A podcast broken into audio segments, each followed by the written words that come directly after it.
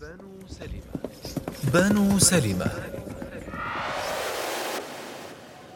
يقول تبارك وتعالى إنا نحن نحيي, نحن نحيي الموتى ونكتب ما قدموا وآثارهم وكل شيء أحصيناه في إمام مبين. والمقصود إنا نحن نحيي الأموات جميعا. ببعثهم يوم القيامة. ونكتب ما عملوا من الخير والشر. ونكتب آثارهم التي كانوا سببا فيها في حياتهم وبعد مماتهم من خير ومن شر. وكل شيء أحصيناه في كتاب.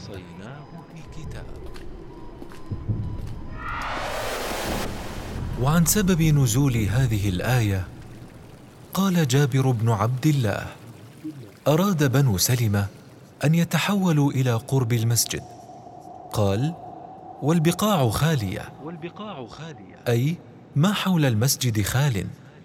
فبلغ ذلك النبي صلى الله عليه وسلم فقال يا بني سلمة دياركم تكتب آثاركم.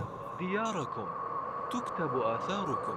فقالوا ما كان يسرنا أنا كنا تحولنا. أنا كنا تحولنا. قال قتادة. لو كان الله عز وجل مغفلا شيئا من شأنك يا ابن آدم أغفل ما تعفي الرياح من هذه الآثار. ولكن أحصى على ابن آدم أثره وعمله كله.